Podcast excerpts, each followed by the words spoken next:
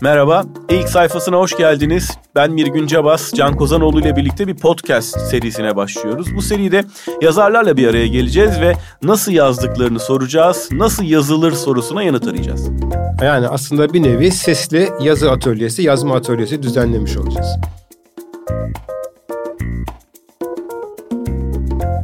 Merhaba ben Mirgün Cabas. Can Kozanoğlu ile birlikte ilk sayfasının bu bölümünde Zülfü Livaneli'yi konuk ediyoruz. Romanlarında ya da kitaplarında kullandığı tam ismiyle Ömer Zülfü Livaneli.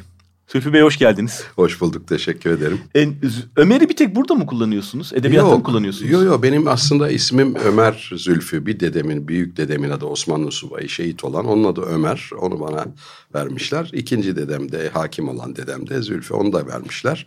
Şimdi bana eskiden hep Ömer derlerdi. E, Stockholm'da kaldığım yıllarda da Ömer derlerdi. Ben de severim. Hatta Nazım Türküsü albümü falan 78 70 o çıkan o bütün albümlerin ise koskoca Ömer Zülfü Livaneli yazar. Fakat ben Ömer'i kullansınlar istedim. Halk kullanmadılar. Zülfü seçtiler.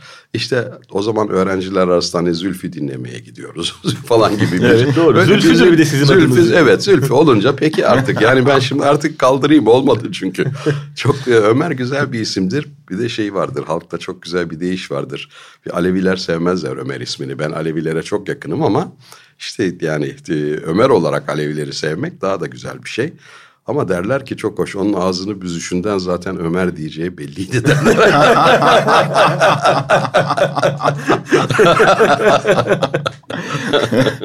Şimdi Zülfü Bey söylediniz hani e, biz size Zülfü Bey diyoruz ama dinleyiciniz olarak özellikle biz gençken e, lise yıllarında filan Zülfü derdik. Tabii herkes. Zülfü dinlerdik. Ama epey bir yıldır da artık Zülfü okuyoruz. Zaten bugün sağ olun biraz da e, grip olmanıza rağmen geldiniz. Özellikle de bizi fazladan mutlu ettiniz. Çok az insanın yapacağı bir şey. Estağfurullah. Ee, pek çok kitabınız var. İçinden bir tane seçelim dedik. Sizden rica ettik. Siz bize bıraktınız. Biz huzursuzluğu seçtik. Onun Storytel'deki versiyonundan bir sayfa dinleyelim. Evet. Oradan yola çıkarak sizin Müsaade edersen bir şey söyleyeyim. Tabii. Şimdi elbette geleceğim çünkü birkaç kere de erteledik. Ben bir Avrupa'da kitap okuma turnesi diyorlar onlar. Almanya, İsviçre e, ve Avust Avusturya'da. E, yeni yani huzursuzluğun Almancası Unruhe ile ilgili bir toplantıdan geldim. Yani 10 gün süren. E, çok yorucu oldu ve ağır grip geldim. Bir iki kere de erteledik fakat o kadar sevdiğim dostlarımsınız ki şimdi candan bir günden gelen bir şeyi nasıl reddedebilirim? Ondan sonra dedim nasıl olsa ucunda ölüm yok yapalım böyle bir şey diye. Geldik çok teşekkür ederim çağırdığınız için. Biz tekrar beni. teşekkür ederiz. O zaman e, huzursuzluğun ilk sayfasını dinleyelim beraber. Hüseyin'e yolculuk. Kızıl yele karışan. Beni alıp tekrar karnına soksan bile koruyamazsın artık anne. Annesiyle görüşmesindeki son sözleri bu olmuş. Ağlamaktan gözlerine kan oturmuş yaşlı kadın, başındaki beyaz tülbentin ucuyla yaşlarını silerken bu sözleri tekrarlayıp durdu. Kız kardeşi Aysel de duymuş bu cümleyi. Çünkü kapının önünde vedalaşırken o da oradaymış. Abisinin boynuna sarılmış ama o derin bir halsizlik içinde bu dünyadan vazgeçmiş gibiymiş. Kollarını bile kaldıramamış. Zaten sol kolu omzundaki kurşun yarasından dolayı kalkmıyormuş. Sanki ölüme gittiğini biliyordu. Elimizden bir şey gelmeyeceğini hissettim o zaman diyordu kız kardeş Aysel. Belki de o kız yüzündendi. Beni alıp tekrar karnına soksan bile koruyamazsın artık anne. Bunlar Hüseyin'in hayattaki son sözleri değil ama annesiyle ve kız kardeşiyle vedalaşırken zaten babası ölmüş daha önce, iki abisi de Amerika'daymış, söylediği son cümle olmuş.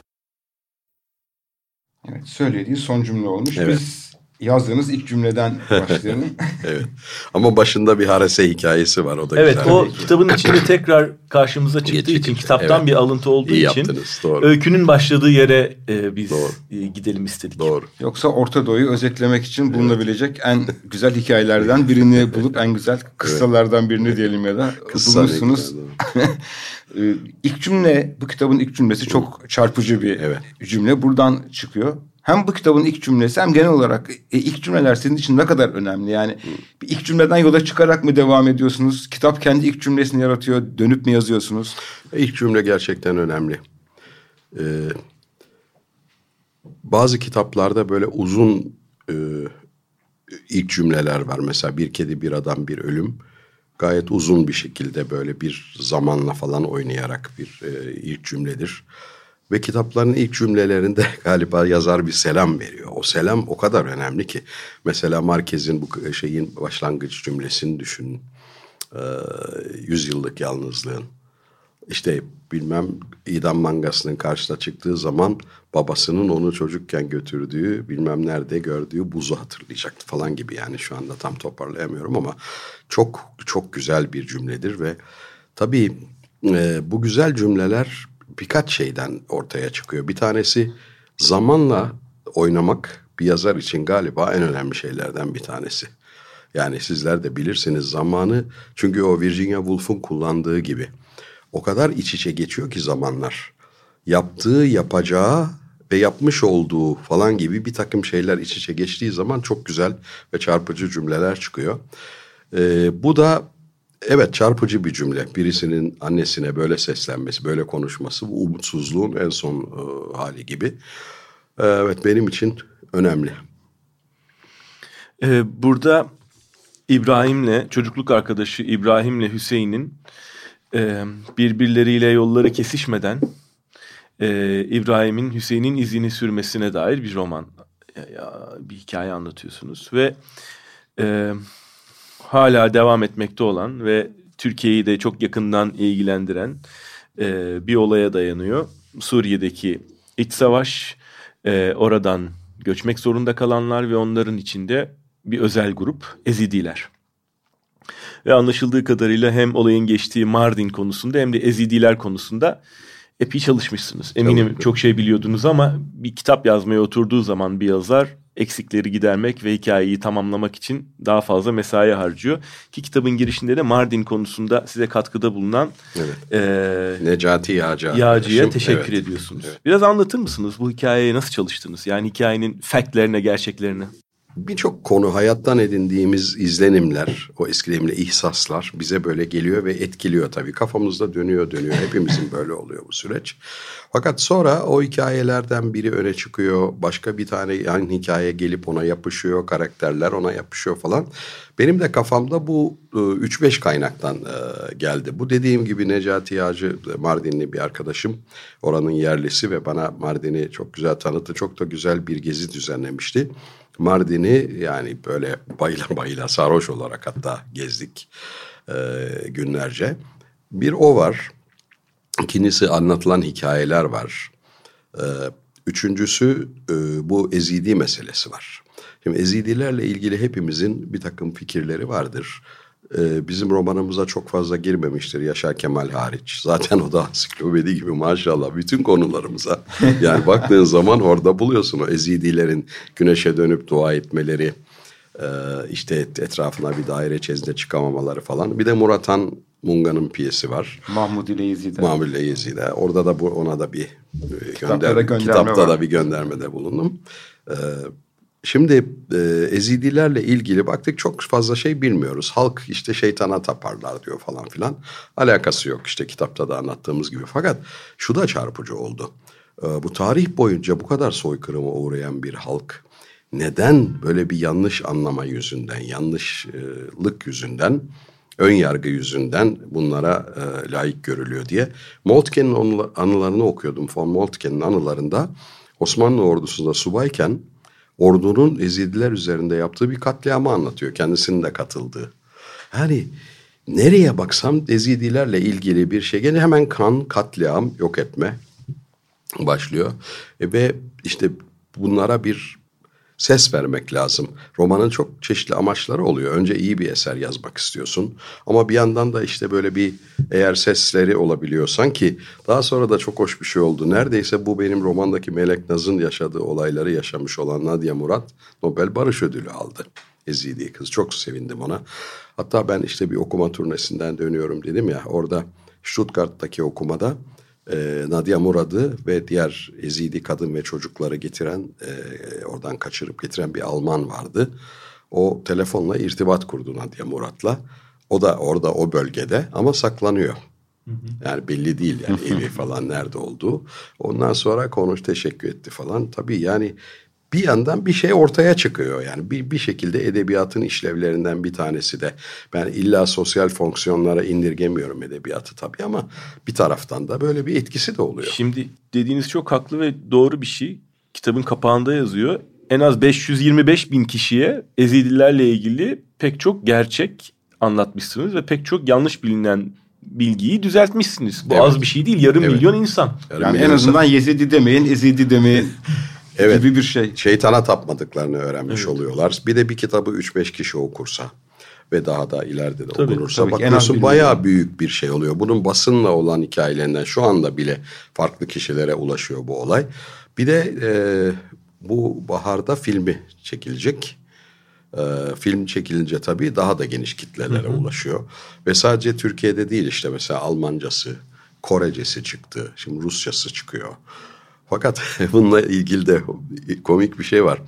Benim Rusya'da kitaplarımı çeviren Rusya'ya Polina var çevirmen, Türkolog. Dedi ki işte benim elimdeki kitabı bitirip buna başlayacağım dedi Zöf Bey dedi telefonda. Neyi bitiriyorsun dedim merak ettim huzur dedi. ya doğrusunu isterseniz huzur e, benim aklıma da düştü huzursuzluğu seçtiğimizi okumaya başladığımız zaman. E, bir bağlantısı var mı? Sizin de aklınıza böyle bir çağrışım yaptı mı? Yani Yok. ona bir nazire olsun, bir gönderme yok, olsun diye yok. düşündünüz mü? Onu düşünmedim çünkü tabii Huzur e, Tanpınar o bizim e, temel eserlerimizden bir tanesi. Büyük saygıyla hep okuduk. Ama onunla pek ilgisi yok bunun. Aslında Pessoa ile ilgisi var. Huzursuzluğun kitabı ya Book of Disquiet diye. Şimdi o isim çağrıştırıyor diye başa ondan bir alıntı koydum ona bir selam yollamak için. Peki Mardin'e gittim dediniz Zülfü Bey zaten belli oluyor. Ben kitabı okurken şunu merak ettim. E, Oradaki Süryani Kilisesi'nin içinde Ezidilerin bir e, kadim tapınağı var. Güneş Evet. Tapınağı diye. Ve anlatıcımız işte Süryanilerin özel izniyle girip orada tek başına kalıyor. Normalde verilecek bir izin değil ve Evet. hakikaten kafasında pek çok şeyi sorguluyor o anda. Sanki siz de öyle bir izin alıp da o tapınakla tek başınıza kalmışsınız gibi hissettim okur olarak. Doğru mu? Evet o tapınağa girdim ben. Çok enteresan bir tapınak ve orada izinle e, ve orada evet e, bazı düşünceler geliyor. Çünkü çok ilginç bir şey. Binlerce yıl öncesine gidiyor. Ve küçük bir pencere işte pencere değil de küçük bir aralıktan oradan Mezopotamya güneşi geliyor gerçekten. Fakat o kadar e, inanılmaz bir yer ki böyle tonlarca ağırlıktaki yekpare kayalar birbirlerine tutunarak duruyorlar. Böyle başınızın biraz üstünde o kayalar var. Bakıyorsunuz inanılmaz bir şey ve hiçbir şey tutmuyor onları. Sadece birbirlerine dayanarak duruyorlar. yani çok ürpertici bir şey ve muazzam bir mühendislik tabii ve onlar nasıl çıkar nasıl oraya konur? Galiba altına kum yığıyorlarmış. Onun üstüne koyup tutturduktan sonra kumu çekiyorlar ne bir takım şeyler. Fakat bizim e, tabii Mezopotamya bambaşka bir şey. Bu Avrupalılar mesela çok kritik çıktı. Ee, Avrupa'da, Asya'da, şurada burada güzel şeyler yazıyorlar kitap için ama buranın, bunun bizim için ne demek olduğunu anlamıyorlar. Çünkü biz diyorlar ki işte bunlar zaten Türk, Türkiye'li ve zaten kendi ülkeleri. Değil. Bizim için çok yabancı bir ülke orası. Tam benim de aklımdan yabancı kelimesi geçmişti. Yabancı. O kadar şey bir- ki yani bizim için çok yabancı bir kültür. Biz mesela din ayrılığı olmasına rağmen 500 yıl beraber yaşadığımız Yunanlara Türkiye'nin en azından batısı diyelim çok daha yakındır. Yani arkadaş olursun ortak değerler, yemek, müzik bilmem ne ama Mezopotamya ile aydınımızın özellikle yani birkaç kişi hariç çok fazla bir ilgisi yoktur. Ve bize biraz Binbir Gece Masalları diyarı gibi geliyor. Yani Alman'a nasıl geliyorsa bize de öyle geliyor aslında. Bu da biraz eksiklik kitapta da koydum ya bizim işte bir kimlik problemimizin bir parçası aslında bu. Siz başka eserlerinizde de e, bu konu üzerinde duruyorsunuz. Bu kitapta da Doğu Batı meselesi üzerine, Türklerin e, arada kalmışlığı üzerine e, de bu kitapta düşünceleriniz var. E, kahramanlara söyletiyorsunuz bunları. E, Mardin'e gittiğiniz zaman evet biraz anlattınız şimdi ama e, bu kitapta nasıl anlatıyorsunuz bunu? Çünkü biraz daha Türkiye'nin daha da doğusuna bakarak, daha güneyine bakarak hikaye anlatıyorsunuz. Mardin'e gittiğim zaman ben bu e, epey yıl oldu.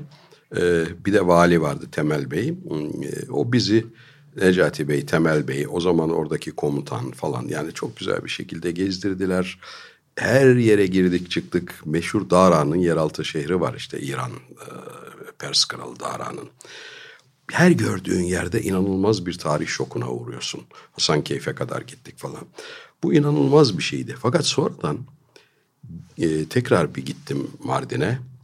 E, hatta bu e, Kasrı Kanco Ahmet Türk'e hapisten çıktıktan sonra geçmiş olsun ziyareti için gitmiştik. O zaman baktım ki Mardin'e bir karanlık çökmüş, bir korku çökmüş geceleri falan böyle. Hatta otelden çıkıp biraz yürüdüm. Neredesin telaşlanmışlar nasıl çıkabilirsin yalnız başına falan diye. Şimdi ben de bunu anlattım biraz. Mardin bu kadar güzel bir yerken birdenbire bir korku şehrine dönüştü diye. Buna da tabii Mardinli bazı AKP'li politikacılar çok kızdılar. Yazılar yazdılar ondan sonra. Ee, Miroğlu ve Yasin Aktay ya ondan sonra bizim niye kötülüyorsun şehrimizi? Ya dedim kötülemiyorum. Yani sizin şehrinizi yüceltiyorum. Çok seviyorum ama işte bir ara öyle bir dönem. Şimdi tekrar iyileşmeye başlamış galiba. Bir milyon turist falan giden bir şehir. Sahiden e, şeyin kapısı gibi benim için. Yani Orta Doğu'nun, Mezopotamya'nın, Binbir Gece masallarının, Harun Reşit'in, Bağdat'ın yani bütün onların kapısı gibi. Ve bu bizim eksik, benim en azından söylediğim eksik tarafım. O kadar çok e, ben bu konuda okumuş, çocukluğunda Kur'an kursuna gitmiş, eski lisana biraz yani vukufu olan birisiyim ama ben bile dışında kalıyorum bu işin. Ki yeni aydın kuşakların, genç aydın kuşakların iyice uzağında olduğunu tahmin ediyorum. İşte o demin yabancı kelimesi benim de aklımdan geçti dedim ya ben de kitabı okurken aslında onu sordum. Benzer şeyleri kendimce ilgilendiğim gezip gördüğüm yer işte ben de Adanalıyım sonuçta orada da iki farklı etnik gruptan geliyorum falan ama bütün bunlara rağmen ya bu hikaye ne kadar yabancı geliyor bana oradaki dünya gibi insan bir öz eleştiri de yapıyor ama belki çok yapabileceğiniz bir şey de yok. Ne yapabilirsiniz daha az yabancı olmak için onu da bilmiyorum ama hakikaten o sorgulamayı Hayat, yaptıran bir kitap. Bizim bu doğu batı meselemiz var. Biz çünkü e, kendine ait e, homojen bir kültür yaratmış insan e, bir ülke değil, halk değiliz. Homojen e, değil yani oradan gelmiş, buradan gelmiş. Orta Asya'nın da bir şey yok. Orta Asya önce Çin e, etkisindeydi değil mi? Hatta o anıtlarda yazar Türk şara yaklaşma şar şehir. Onlar güzel sözler ve ipekleriyle kandırırlar seni falan. Her şey Çin zaten. Osmanlı sarayına da gelmiş yemekler, adetler, duruşlar, jestler falan Çin. Daha sonra Fars Arap, Ondan sonra son 200 yıldır da Batı. Biz hep böyle bir kültür, orijinal kültür, orijinal şehir, orijinal bir şey yaratmayız ama gideriz, gidip alırız. Aldığımız yeri de aslında oranın lideri olup ve orayla ilgili de bütün her şeyi toplarız. Osmanlı mutfağının falan zenginliği değil mi? Her yerden topluyor. Her şeyi Bizans'ın da önemli etkileri var fetihten sonra. İstanbul. Çok var, çok var, çok yani var. Musikiden işte e, bürokrasiye kadar her alanda var. Bizans'la zaten etkileşim apayrı bir konu çok enteresan. Dün akşam tekrar okuyordum da bu e, daha önce yazmıştım Konstantini Oteli kitabında. Mesela Osman, Osman'ın oğlu Orhan hemen daha ikinci gazi. Onun Bizans İmparatorunun kızıyla Theodora, Kantakuzenos'un kızı Theodora ile evlendiğini, Silivri'de günlerce gecelerce şenlik yaptıklarını, Üsküdar'da eğlenceler yaptıklarını bilmez kimse. Yani Osmanlı dediğim Bizans'ın damadı aslında. o kadar yakın ilişkiler var. Ama kendini batıya atmaya çalışan işte Osmanlılar ve o da zaten diğer Türk beyliklerine göre Aydınoğlu, Menteşoğlu, Germiyanoğlu onlara göre farkı ne? Derhal şak diye Rum, e, Rumeli'ye gidiyor ve Avrupa'da fetihlere başlıyor. Daha kurulu Osman'ın oğlu başlıyor bunları yapmaya. O bakımdan e, yani biz bu doğu batı çelişkisini en fazla yaşayan e, ülkeyiz. En fazla yaşayan halkız. Çünkü bu Avrupa'daki toplantılarda yatıda ya da Rusya'da yurt dışında da bunu anlatmaya çalışıyorum. Zor da anlıyorlar. Diyorlar ki Türkler nasıldır şu konuda? Ya Türkler diye bir şey diyemezsiniz. Öyle bir standart yok çünkü. Yani şey en azından bırak o geçmişimizi daha eski tarihimizi bırak. E, Osmanlı yıkıldıktan sonra canını kurtarabilen herkes kendini atmış. Balkanlardan atmış işte Orta Asya'dan, Kafkasya'dan gelmiş son sığınak olarak buraya sığınmışız. O bakımdan tipler ben bir gün herhalde Rumeli senin tipin. Doğru. E, yani hemen görülüyor belli. İşte senin dediğin gibi sende şey var mı? Nusayrilik var mı? Evet. E işte onu da gör ben artık insanları görünce de anlayabiliyorum, tahmin edebiliyorum gerçekten. E, şimdi düşün burada bir apartman Belgrad'dan gelen birisiyle yemeği, kültürü, dili, her şeyi, din anlayışı Belgrad'dan gelen birisi bir katta. Onun karşı komşusu işte Kafkaslardan gelmiş. Kafkaslardan gelmiş. Onun öteki Bağdat'tan gelmiş. Öbürü bilmem nereden gelmiş. Bütün bunlardan bir ulus. Bir de Happy Top'u 80-100 yıl bile olmamış. Ya ama Böyle bu çok ani olmuş bir yani. şey tabii. Tabii çok yani. ani. O büyük göçler. Ulusların kaderinde 80-100 yıl Hiçbir çok şey önemli değil. bir şey süre değil yani Birdenbire bir araya girmek, hemhal olmak için. Tabii birdenbire girmiş ve bu böyle sallayıp sallayıp işte siz hepiniz şöyle bir milletsiniz ama şey tabii e, Atatürk'ün e, gerçekten bir dehası var ve e, şu tarif kelimeleri kullanmadaki özen o kadar önemli ki diyor ki Türkiye Cumhuriyeti'ni kuran Türkiye halkına, Türk halkına demiyor. Türkiye Cumhuriyeti'ni kuran Türkiye halkına Türk milleti denir. Kere millet, nasyon kavramı, ulus devlet, o Türk milleti oluyor. Ama o bunu kuran kim? Türkiye halkı oluyor. Yani o kadar aslında çözülmüş ki bu meseleler o zaman düşünülmüş, çözülmüş ama biz Doğu Batı çelişkisini yaşamaya da devam edeceğiz. Ve hala bakın e, mesela Anadolu'nun bazı kesimleri hala macir diye gelenleri şey zannediyor, işgalci zannediyor. Şu anda 12-13 milyon Rumeli göçmeni var bizim ülkemizde. Yani çocuklarıyla falan beraber. Şimdi öteki onu bilmem öyle görüyor falan. Çok büyük ön yargılar da var toplumun içinde. Ama bütün bunlar bir yandan da edebiyatı besliyor. Bolca. Edebiyatı müthiş besliyor tabii. Yani biz öyle yani gerçekten hikaye kaynıyor. Ee, ve düşünüyoruz bu konularda. Bir de bir şeyin daha farkına vardım. Biliyordum da bu seyahatte bir kere daha vurguladım bunu. Ee, bu kitaplarımız bizim çevriliyor ya. Hiçbir zaman tam olarak çevrilemiyor. En iyi Almanca'ya en iyi çeviren Gerhard Mayer çeviriyor. Gerçekten yani müthiş. Tamam ama mişli geçmiş olmadığı zaman bir dilde hiçbir zaman bizim e, tadı veremiyorsun. Mesela biraz önce okunan bölümde diyorsun ki zaten sol kolu kalkmıyormuş. İşte annesi de bilmem ne demiş. Miş miş miş derken işte e, son defa gördük gördüğümüzü hissettik dedi bana kardeşi. Yani buradan tak tak tak bir perspektif koyuyorsun. Fotoğraftaki derinlik nasılsa bu da dildeki bir derinlik böyle zamana doğru açılıyor gidiyor. Mişten diye doğru, sonra bugünkü zamana, Hepsini şimdiki zamana. diye getirdiğin zaman dili geçmişe çok kurulaşıyor aslında. Tabii. Ve bu bakın enteresan bir şey. Bu batı dillerinde yokmuş. Doğu dillerinde de yok. Arapçada da yok. Farsçada da yok. Yani Türkçenin nasıl bir anlatım? Masal kipi değil mi aslında? Tabii. Masal kipi yanimiş. Hikaye Masal etme kipi yani. Yani ben orada olmadan yani görmeden bilmem ama hep dili yapıyorlar. Ee, bana kalırsa Türkçe e, bu yüzden de sadece bu yüzden değil ama bundan dolayı da çok büyük bir edebiyat Şimdi- dili. Ve bizim bu Türkçedeki metinlerin tadını galiba başka dillerde tam olarak aktarmak mümkün değil. Şimdi tam da not aldığım ve size sormak istediğim bir konuya geldiğiniz için çok memnunum. Ee, kitaplarınızın çevrileceğini göz önünde bulundurarak mı yazıyorsunuz? Hayır hiç. Çünkü şöyle bir paragraf okudum ve şöyle geldi aklıma. Ee, sınır şehri Edirne'ye yola çıktım. Edirne İstanbul'a iki saat mesafededir. Bizi Avrupa'ya bağlayan tem otoyolundan gittik gibi. Hmm. Aslında İstanbulluların ya da Türklerin hani Evet. aşina olduğu detayları da koyuyorsunuz. Evet. Bir perspektif olsun diye etrafı böyle bilgilerle destekliyorsunuz ve ben de o hisse kapılmıştım. Çünkü yurt dışındaki okurunuz da az değil ve onların anlamaları içinde bu aslında yadırgatıcı bir şey olmazdı diye bir yandan diye düşünüyorum. Hayır o e, şundan dolayı öyle oluyor. Ben yazarken hiçbir zaman çevrilir çevrilmez falan onu da düşünmüyorum. Gerçekten okur yani benim okurum Türkiye'de. Ee, onun için yazıyorum. Ama şimdi İstanbul'daki okur olarak burayı hepimiz gayet iyi biliyoruz. Ama mesela Mardin'le ilgili böyle bir bilgi verdiğim zaman yadırgamıyorsun. Çünkü Mardin'i bilmiyoruz değil mi? Bilmiyor insanlar okurlar. E bir de Türkiye sadece İstanbul'da okunmuyor ki bu kitaplar. Bütün her tarafta. Şimdi o yani belki gereksiz bilgi olabilir ama bazı insanlara da Doğu'da, Karadeniz'de yani İstanbul diyorsun herkesin bildiğidir ama İstanbul'dan örnek verdin. Ama gerçekten de böyle demişsem fazla da olmuş. onları, çık- onları çıkarayım yeni baskıda. ben de şimdi düşündüm sayeden fazla olmuş.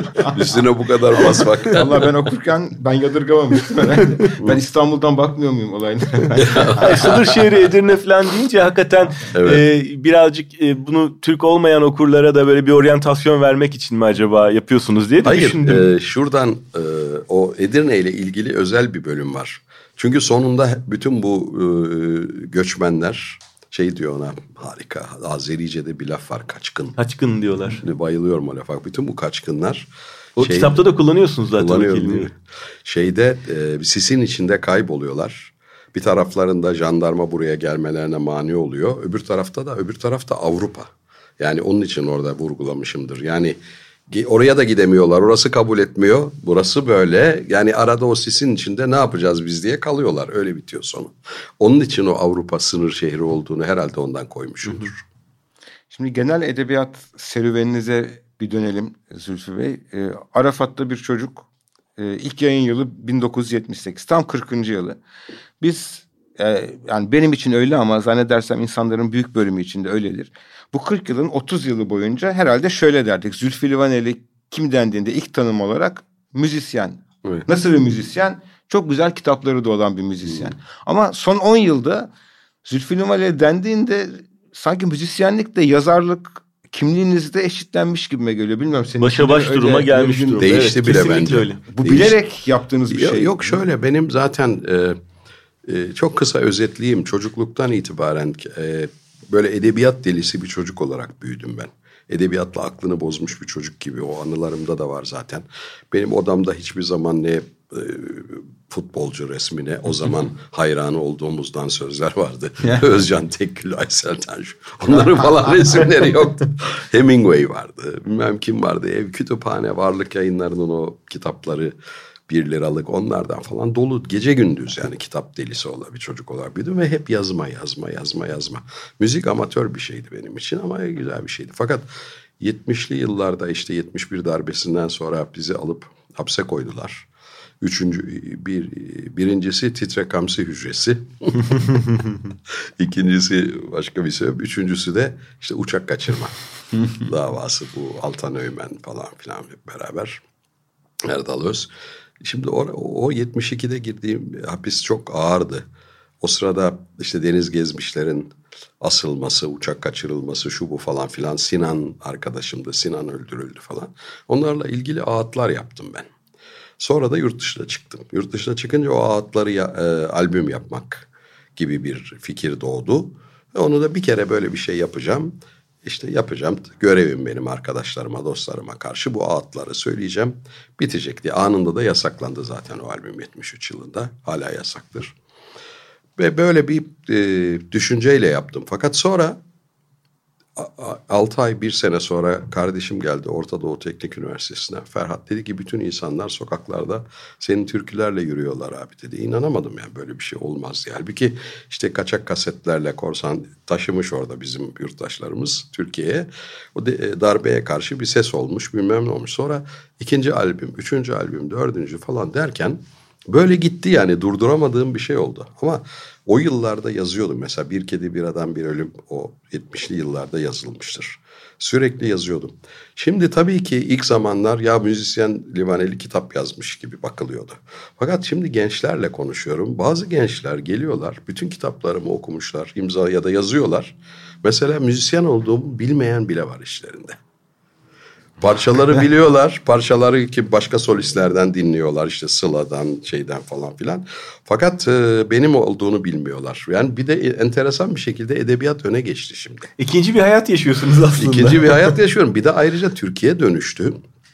Yani bunları tabii ben bilinçle yapmadım. Böyle geldi hayat ama mesela e, o Arafat'ta bir çocuk çıktığı zaman Oğuz Bey'in yayın evinden, Cem yayın evinden. O dönemde kitap 5000 satınca o Fazıl Hulusi'nin dağlarca falan kadehler, rakılar böyle o ne kadar çok sattı diye e, sevinmiştik hep beraber. Kutlamıştık Yaşar Kemal falan. O dönemde benim albümlerim şey kasetlerim 1 milyon satardı. E şimdi kaset yapsak herhalde yani hiç Yani birkaç bin bile satmaz. Bu arada bir dönüşüm oldu. Kitaplar birdenbire toplumun gündemine girdi. Demin bir günün söylediği gibi 525 bin adet Onun satmış. küsuratı artık yani o 5000 Hayır, şu anda sizin tirajınızın küsuratı haline Şu- gelmiş. ama şöyle oldu. Ben şimdi bunu çok anlattım. Gene hep yeni geldiğim için yurt dışından hep onunla kafamda e, meşguliyetler var. Şunu anlattım. Türkiye büyük bir kitap ülkesi. Ve gösterdim onlara. Mesela bir en çok satan 10 kitap listesi Hürriyet'te. Hadi bizlerin kitaplarını dışarı çıkaralım zaten bahsetmek ayıp. Fakat bakıyorsun bir Orwell var. iki tane Stefan Zweig var. Bir e, Saramago var. Sabahattin Ali zaten devamlı orada. Bunu gösteriyordum kendilerine. Bakın işte diyordum yani. Bakın hangi ülkede var böyle bir şey edebiyat listesi. Gerçekten yok. Ve hem satışlar büyük hem de nitelik de büyük. Nitelik ve nicelik beraber gidiyor. İlginç bir kitap ülkesi oldu Türkiye. Evet, son yıllarda öyle bir gelişim hakikaten Var. Yani çok ezbere söyleniyoruz. İşte biz kitap okumuyoruz, bilmiyoruz falan gibi. Tam öyle değil. Ama tabii o satışlar da hep belli bir kesimin içinde dönüyor aslında. Yani e, hiç okumayan insanların oranının yüksek olduğunu inkar etmeyin. Fakat o ezbere ya bizde kitap okunmaz tablosu da yok. Okuyanlar da iyi okuyor. Okuyanlar da iyi okuyor. Okuyanlar iyi okuyor ve inanın bana bakın Rusya gibi edebiyat ülkesi oradaki rakamlara bakıyorum. Orada mesela Almanya, bilmem Amerika büyük ülkeler bunlar. Fakat bu rakamlara şaşırıyorlar. Hiçbir edebiyat eseri bu kadar satmaz diyorlar bizim yayıncıların mesela.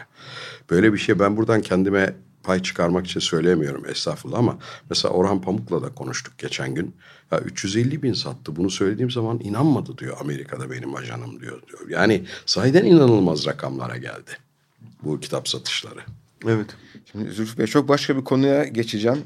Siz de herhalde konuşsak 5 saat konuşuruz ama e, şunu sormadan geçmeyeyim dedim. Biraz da bir yazı atölyesi işlevi de olduğu Evet, için bu sohbetlerin. tabii, e, çok az yazarın yaptığı bir iş yaptınız. Bir deneyim, yazarlık deneyimi. Sonada kitabınız. Yetişkinler için olan bir kitap. Ama bir de Sonada'nın çocukları var. Çocuklar için yazılmış versiyon. Şunu gerçekten merak ettim. Ben de kitaplar yazmış bir insan olarak.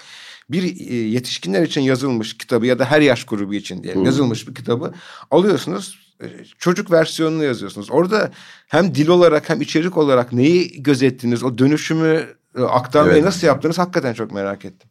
Aslında o e, tabii e, yayın evindeki editörlerin de yardımıyla oldu. Senem e, Kaleli çok yardım etti bana.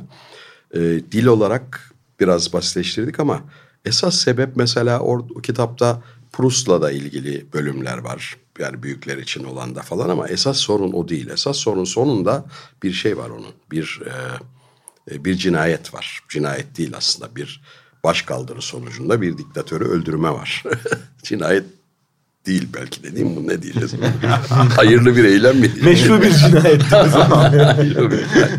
Kitabın sonunda biz söylememiş olduk. Yazarı oldunuz. söyledi. Şimdi fakat çocuklar için e, yazılanda böyle bir şey e, olmuyor diye düşündüm. Aslında çocuklar için şimdi dünyada bu çizgi filmler, çocuk filmlerinde ne vahşet ne şiddet var tabii ama hadi bu biz öyle yapmayalım diye e, düşündük ve orada onu kaldırdık. Başka bir bölüme getirdik.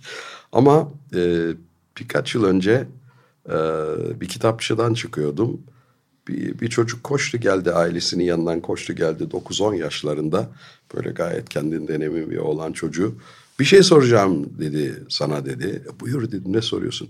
Ben dedi ikisini de okudum dedi. Hem büyükler hem küçükler için. Niye değişiklik yaptınız dedi. Allah dedim kusura bakma haklısın. Çok hoş. Peki o zaman şunu da soralım. Sonuna doğru yaklaşırken süremizin eee, şüphesiz yeni bir şeyler yazıyorsunuz. Ne yazıyorsunuz? Şimdi bir aslında en tartışmalı kitabı yazıyorum galiba şimdi. Ee, çünkü bu Hürriyet'te falan açıklandığı zaman bir bölüm yayınlandı hatta kitabın başından. Sosyal medyadan herkes yazdı. Bana bir kişi de şey yazmış. Hiç kimseye yaranamazsın diye. Sayeden bu hiç kimseye yaranılamayacak olan bir kitap. Ama belki de edebiyat bunu yapmalı. Ee, Abdülhamit'in son günü başlayan bir roman. Ve romanın adı da Kaplanın Sırtında. Çünkü her iktidar sahibi kaplanın sırtındadır. Kaplanın üstünde olduğu sürece e, gayet iyi her şey yolundadır. Ama ondan bir gün inmeye düşerse kazara ya da inmeye karar verirse kaplan onu parçalar. Yani o hükmettiği devlet mekanizması o üstündeki adamı indiği anda yok eder. Ben o yok edilişin hikayesini anlatıyorum. Bir de bu Abdülhamit dönemi çok ilginç bir dönem. Jön Türkler, Batı'nın Türkiye ile ilgili emelleri, Abdülhamit'in bir yandan e, gerçekten büyük bir siyasetçi oluşu, 33 sene jonglör gibi Batı devletleriyle oynayışı böyle onu ona bunu buna kırdırması çok özellikleri olan bir adam. Ama aynı zamanda da o o dönemde söylenen oğlunun bile yazdığı yani herkesin yazdığı Vehmi Humayun var. Vehim sahibi Vehmi Humayun. Yani paranoya emperyal oluyor bu çevirdiğin zaman. E, çünkü Frans gazetelerinde öyle geçiyor. Olağanüstü bir kişilik. Beni de zaten o insan ilgilendiriyor. O insanın düştüğü gün başlayan bir roman bu. Ne, ne zaman, zaman gideceğiz? Selanik'te geçiyor. Herhalde e, ilkbahar falan olur. Epeydir çalışıyorum çünkü ilkbaharda olur. Heyecanla bekleyeceğiz. Yani sonuna yaklaşmışsınız demek ki. Evet. Biz de sürenin sonuna yak hatta bitirdik. Yani sanki televizyon yayını yapıyormuşuz gibi sürenin sonuna yaklaştık dedim ama belli bir süre tutuyoruz. Fakat bir şeyi çok merak ettim. Belki özel de bir konu. Evet. Zülfü Bey. Ben Yok de konuşalım. Çok merak ettim deyip duruyorum. Demek ki çok merakım. Şimdi e, bu kitabın kapağını açtığınız zaman ithaf çıkıyor karşınıza. Ülkere ve ailene diye. Eşinize evet. ve kızınıza. Ben bir anda şunu düşündüm ya Zülfü Bey'in 20. kitabı. Evet. E, eşine ve kızına yeni mi sıra gelmiş ithaf diye. Sonra ben de diğer kitapları karıştırdım. Bir tek şu şu an önümüzde de evet. e, bulunan gölgelerde anısına diye. Evet. E, Kanuni'den başlayıp Yaşar Kemal'e kadar giden evet. bir liste var. Onun dışında e, kitaplarınızda ithaf pek olmuyor. Yok. Yazmayı hevesli insanların kafasında hep şey olur ya. Kitap yazsam da birine anneme ithaf etsem, kız arkadaşıma ithaf etsem, çocukluk arkadaşıma ithaf çocuğuma etsem, etsem falan çocuğuma etsem. Benim yaptığım gibi. Ben sizden mesela çok da az sayıda kitapta bütün sülaleyi ve arkadaşların yarısını bitirdim ithaf konusunda. Bu ilgimi çekti. Niye ithaf konusunda cimri davran? Valla samimi söyleyeyim bilmiyorum. Öyle geldi galiba bilmiyorum. Yani böyle bir ithaf... E bu kitap e, demek ki bir ithaf konusu oldu. e, başka sayeden yok mu? Yapmamış mıyım? Bendekilerde belki, belki de yapmamışımdır. belki Elia, Gölgeler dışında Elia, Elia Kazan'la ilgili kitap Elia ile yolculukta da belki e, vardır ama zaten şimdi bir de benim anılarımda, anı kitabımda Ülker ve Aylin çok yer alıyorlar falan. O öyle yani belki onu mu yeterli gördüm bilmiyorum. Ama neyse. Bu, bu da size bir soru o zaman. Belki kafanızı kurcalar birazcık. evet, evet, sağ olun. Yusuf Bey çok çok teşekkür ediyoruz. Ben, ben teşekkür çok. Sağ olun. Ben teşekkür ederim. Sağ olun.